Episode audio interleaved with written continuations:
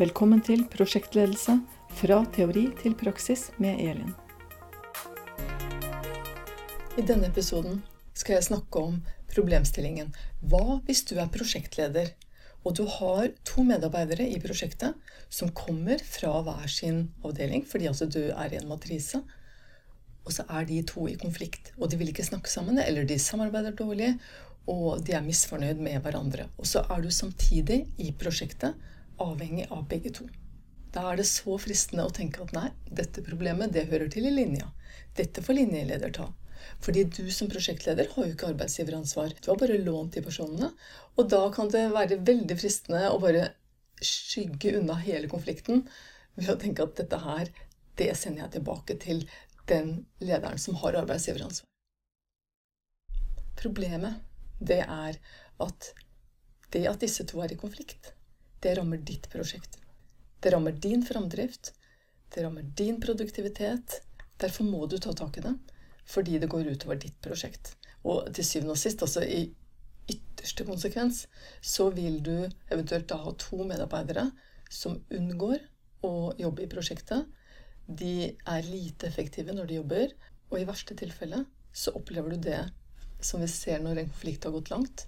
Det er at folk som krangler, de jobber ikke de bruker tida på å samle bevis. Og det har du rett og slett ikke tid til i ditt prosjekt, for det går utover deg og din og, og det har du rett og slett ikke tid til i ditt prosjekt, for det går utover deg, din leveranse og ditt renommé.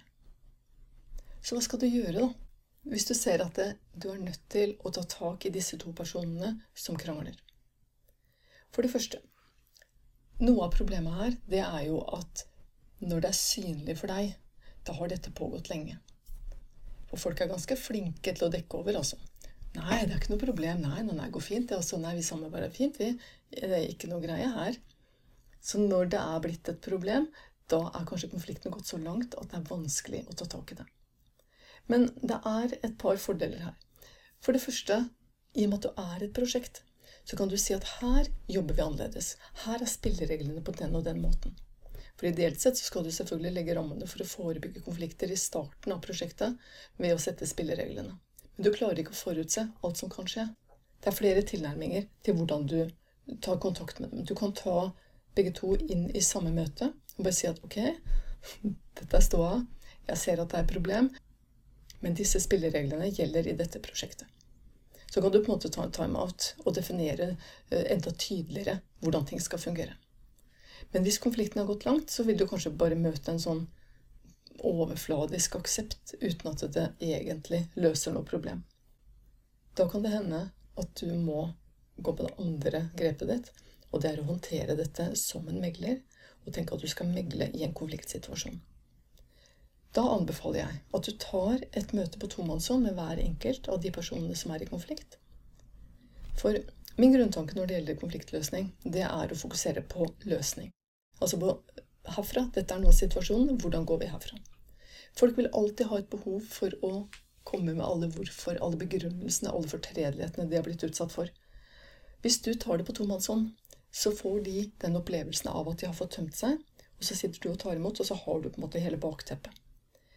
Men gjør en avtale om at når vi møtes i et felles meglingsmøte, da skal vi bare fokusere fremover.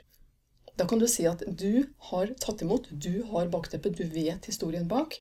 Men det er ikke noe vi får gjort med det. Du får ikke endra på det som har skjedd. Og da må vi se på hva er det vi skal gjøre for å løse det videre. Og det som er den store utfordringen her, det er at du tør å ta tak i det. At du setter deg ned og prater med dem. Og at du tør å konfrontere det. Det er godt mulig at de vil bare avfeie det og si at dette ikke betyr noe, men da må du fokusere på hvordan du opplever at dette skader prosjektet. Det smarteste da er selvfølgelig at du på forhånd har notert deg enkeltepisoder eller konkrete ting som du kan knagge det på, sånn at ikke du blir sittende og bare Nei, å nei, akkurat, nei, jeg skjønner. Greit. Nei, men da, da satser vi bare på at alt er greit, da. Det du må gjøre i et meglingsmøte, det er å være tydelig på hvilken atferd du har observert som er uønska, og sørge for at dere i fellesskap blir enige om både spillereglene, altså hvilken atferd du forventer fremover, i forhold til leveranse, i forhold til oppmøte, i forhold til å stille på møter, f.eks. Jeg har hørt en historie med en som hadde arvet et prosjekt hvor det var to personer der som ikke kunne være i samme møte, for de snakka ikke sammen. Når du arver et prosjekt, så det er mange ulemper med det. Fordelen er at da kan du si at sorry, men det gjelder ikke her. I mitt prosjekt, når jeg er leder, så gjelder disse reglene, og da forventer jeg at dere kommer på samme møte og prater sammen. Så det å definere hva du forventer av dem, og så la det være opp til dem å utdype hvilken konkret atferd de er villige til å endre på for at dette skal fungere. Jeg har måttet gå inn i veldig brå og akutte konflikter når jeg har vært prosjektleder.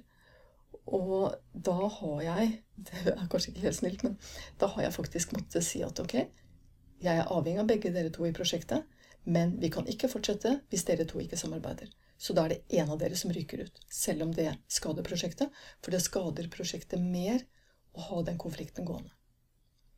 Så her har du fått noen innspill til hvordan du bør og kan ta tak i en konflikt i prosjektet ditt. Du har hørt på Elin Magging Jacobsen i Adire. Gå til adire.no og finn mer stoff om prosjektledelse, samarbeid, relasjoner, konflikthåndtering i arbeidslivet og i prosjekter.